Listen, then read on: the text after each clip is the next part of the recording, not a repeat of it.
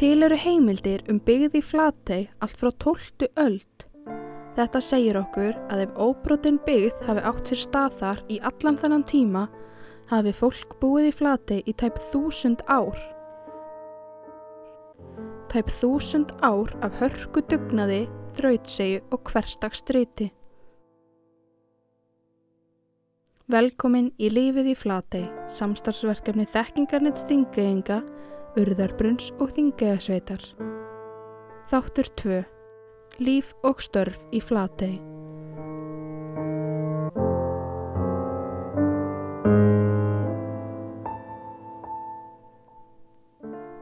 Gott dæmi um þessa þúsund ára þrautsegu flateyinga eru sýstunar Gunna og Freyja en þær eru eldstu viðmælendur þáttarins og er því upplifun þeirra einstök.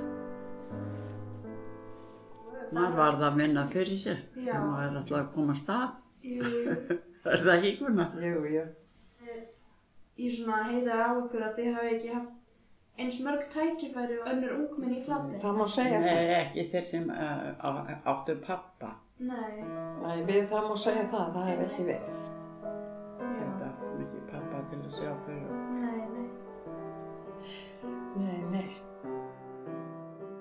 Því miður var það allt og algengt að út traust fólk þessa tíma færist fyrir aldur fram og skildu þannig eftir fjölskyldu sem dyrt að standast það að missa ástvinn og fyrirvinnu heimilisins. Þá ég vil aldrei taka fram að Já. fadir okkar, sem við munum ekki eftir, Nei. hann var nefnilega, ég vil nú segja bara að hann var listamæður. Ok. Já. Hann skar út mjög fallega snillur, já. Hann málaði Ok. og svo spilaði hann á harmoni. Og held freyjast þið segist ekki minn eftir, ég man eftir að mér var sagt. Já, ég man eftir. Nei. Ég man ítla. Það. Já, já. Og hann var uh, smiður og tré og játn og hann var svo fjölhæfur. Já, já. Þú var Þetta kannski fyrir það er þú sem- Gunnar svona félag. Þetta fór fram hjá mér. Í ljósi þess að fadir þeirra gæti ekki unnið lengur fyrir heimilinu var fjölskyldan að takast á við ýmsar nýjar áskoranir. Sískinni mín, ég er yngst, þau ólust upp í Torpaði og svo byggði pappi húsi sem við höfum verið að gera upp núna í mörg ár. En Torpaðurinn var notaður undir skepnur Já. Hei og, og, og kindur og og, já, og svo þegar hann hrynur þá og mamma orðin ein með sýstum okkar vika þá var ekki manna að ræða heldur en að fara með skepnunar inn í húsið, inn í íbúðhús. meðri hæðina. Neðri hæðina, hún bjó uppi en hún gæti ekki danna, hún gæti ekki byggt, hún nei. varð að hafa skepnit sem lifa. Og þá, þá var það snirtingin, það var það fyrir kindurnar, stofan fyrir hegið, geimslan fyrir kúna, þetta er ekki rétt hjá mér reyðan? Hún var, uh, það má taka það fram, hún var heilt ár að vinna fyrir saumavélinu sinni. Já. Kostaði 40 krónur. Já, já. Ég vissi ekki hún hafði verið svona lengi. Þetta Jú, var í úti, hún var í. Já. Og þar var fullt af krökkum, hún hefur staðið ábyggilega við að þvó alla Þvo. daga. Elsa er af aðeins annari kynslu en þær en hér segir hún frá degi í lífi móður sinnar. Þegar að hérna átæðin kom að á kvöldin sem var oft svona kvöldmantaleiti þá Já. var mamma búin að taka til kaffi og brauð í körfu og við fórum með það á bryggjuna og færðum þeim og þau byrjaði að, að fá sér kaffi og, og svo fór maður heim með matakassan sem var sagt, nesti þeirri yfir daginn í. Og þá byrjaði mamma að undirbúa næsta dag. Og við tókum svo þátt í því að, að, fi- þegar var semst flattur fiskurinn á bryggjun, settur hann í kar og við, ég var í því að þvo upp fiskinn og keiri hjólburum sem að réði alla við, var stund tvær við það, upp í skúr og salta í kar. Já. og það var ekki nóg með það að hérna, maður var oft að til nýju tíu á kvöldin og, og kallanir að þegar að þeir kom heim í grund, kannski klukkan tíu á kvöldin, þá var mamma búin að elda kvöld. Þá stóð á borðinu fullbúið máltíð og eftir það fóru þeir að sofa en mamma var að ganga frá og ég hef oft hugsað um þetta eftir á því að hún fór fyrst á fætur og sögðu hafragraut að gaf þeim kannski 6-7 á mótnana þannig að þeir fóru og hennar vinnutími var lengri. Það er alltaf að tala um sjómennina sem eru að og ég ger nú ekki líkt á því, Nei. það er rosalega vinna. En hún fór fyrst á fætur og hún fór síðust að sofa. Einmitt. Hún var með lengsta vinnudagi. Já, við vorum sjö sískininn og áðan að ég man eftir voru einhverju vinnumenn og slatta ömmum og öfum, eða allavega þrjúum tíma Já, já. Og ég bara skil ekki í dag hvernig mamma og bara konur á Já. þessum tíma gerði þetta allt saman. Svo var hún alltaf auðvitað í heiskap og það, þessi kona og þau bæði bara flottasta fólk sem ég kyn sko og þó er bæði fullan eða pappi Já. er hann að verða 78 en hún er að verða 89 og gleymist Já. alltaf að tala um konunnar.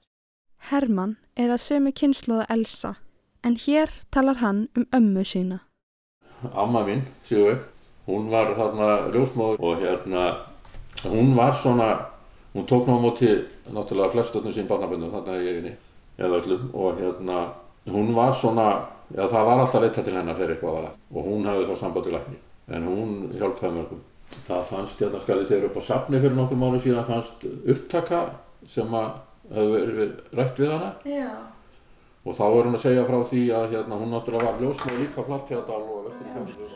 Var ekki stundum svolítið erfitt að ferðast þarna á milli frá Flatey og í land? Jú, það gæti nú verið það. Ég var sérstaklega eftir því að ég var að segja það að einu sinni að morgunlegi var komið að sækja mig og hann af Flateyrdal og það var bæði ljótt og útkvætt og, og telverðu sjór. Það var þar, en af því að eh, var svona ljótt útkvætt þá vildi húsbóndin á Brettustöðum, Gunnar Tryggvason, hann vildi endilega fá mann einn til viðbúktar til að eh, flýta fyrir þessu og vera þarna með. Hann, þegar við komum upp að þá var auðsjáanlega vant að lenda svo hann byður hann að taka sko e, niður seglið. E, hann var frekar styrður yfirleitt þessi maður og e, það geng í einhverju þói svo að, að það stóð eiginlega alveg heima um leið og hann kifti upp, upp stýrunu þá tók báturinn niðri og fylltist af sjó og fór svona á hliðina. Ég var rennandi alveg upp fyrir mitti og, og náttúrulega þeir líka en eh, ég var komin látt á leið og var nú ekki mjög gott fyrir mig að verða mjög blöð því svo þegar við komum upp þarna þá var komin maður að heimann til þess að sækja mig til þess að ég þurfti ekki neitt að tefjast en þeir björguðu vatnu bara sem með honum voru. Var frost? Já, það var átjánstega frost og stórrið. En fæðingin? Já, þetta var það sem kallað er að kona misti fang. Það er sko laungu fyrir tíman og það gekk allt vel.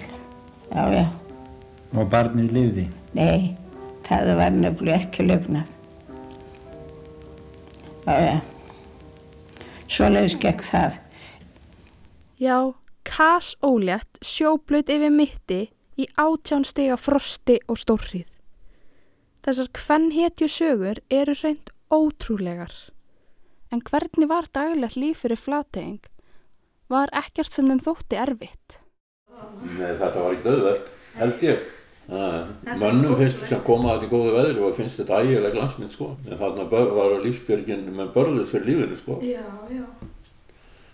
Ég er til dæmis með hérna, ég er til dæmis með byssu hérna sem að afi átti, afi minn, sem er keift af einhverju félagi hérna, ég man ekki hvað eitthvað, eitthvað vúls eða eitthvað.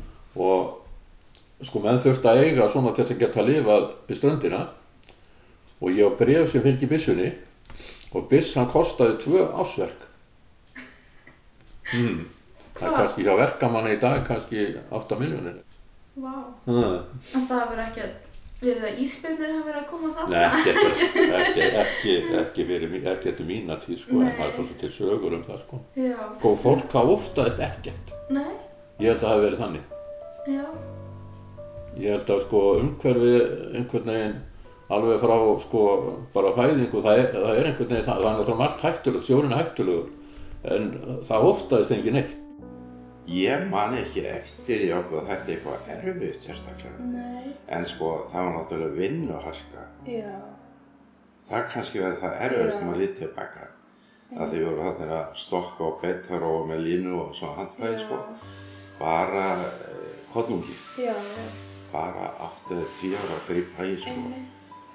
Svo, svo var það nú þannig að það komu margir að Já, bæði inn á eigafyrir til að vera þarna yfir suma vertíð. já. og það er margir hérna sem að hafa verið þarna yfir sumari Já. og unnið sko frá húsæk svo koma línustúkur já, þær voru í skúrunum sko meðan það var róa með línu. Og þær komum bæði hérna og innan á eigafinn Já. og í sig og verðið til hjónaböð jú, fleiri neitt sko, fleiri en tvö Þegar eftir að pappi dó og mamma var konu upp á efrihæðina, þá var svo margt fólk sem vantaði húsnæði. já. Var kannski að hruna komin eins og Það sælant. hefur líklega verið bara gömlu trjá, en hérna, torkóðnir hafa verið hrundir Já, og, þeir voru að reynja sko. og það, það var alltaf fullt. Einmitt. Þá var fólk bara að geta leitað húsaskjól hjá ykkur. Já, Það, það reyndist verið. Það var ekki um annað að ræða. Fólki reynda að bjarga sér. Þetta var gott þau fólk. börðust ekkert. Nei, nei. Þetta var gott fólk í kringum Já, já. okkur. Já, Alls staðar í kringum. Og við höfðum ekki, ég man bara ekkert eftir neinu svona eimd og volaði. Við vorum bara eins og vennilega bönn, kátt Já. og, og Þetta voru badnmörg heimili. já. Einmitt. Trúi því. Pillan var ekki komin.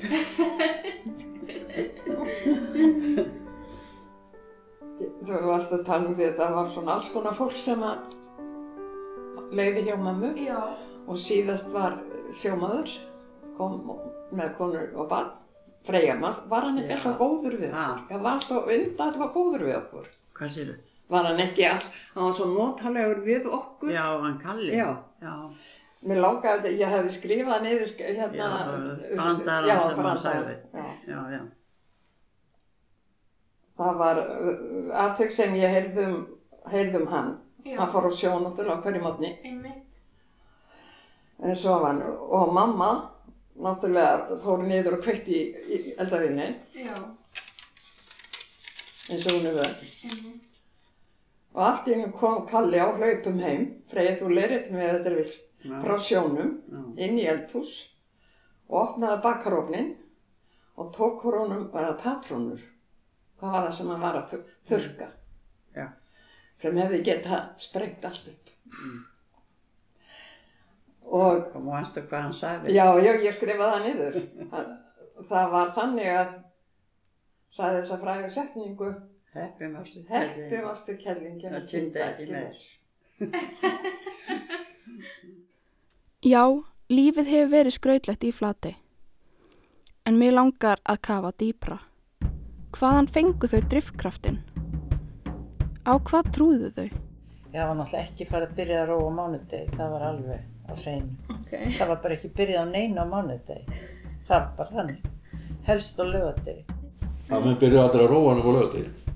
Og það situr svo í mér að ég myndi aldrei flytja eða byrja í vinnu eða svona, eða þú veist, já. Það er bara að maður gerði það ekki. Þegar maður vildi ekki byrja að róa á mánudögum. Og það situr alveg, sko, það er bara eða hvað, það er mánudagur alltaf að byrja. það er bara að gera menn ekki, sko. Þegar þetta er á lögadegi og þegar þeir fóru þá byrjar alltaf að snúa bátnum það sem kallað er stjór til hægri. Lífið í Flatey er samstarfsverkefni þekkingarnett stingeinga, Urðarbrunns og Þingiðasveitar. Viðmælendur eru Guðmundur Aðalbjörn Holmgersson og Elsa Holmgersdóttir frá Grund, Freyja Sigurpálsdóttir og Guðrún Sigurpálsdóttir frá Baldushaga, Hallur Jóhannesson frá Neðribæ og Herman Ragnarsson frá Sæbergi. Tónlist er fengin úr kvikmyndinni af Jörðu ertu komin og er eftir framfara og ósa á borg. Viðtalið við Sigurveig Ólafsdóttur var fengið af héraskjálasafni Þingeyinga. Hljóðvinnsla Páll Hlíðar Svavarsson, sjálf heiti ég Bjarge Ingólfsdóttir. Það var byggt þannig stór samkómhús og, og það var allt á fullu sko. Það var mjög, mjög mikið fjörugum bölu.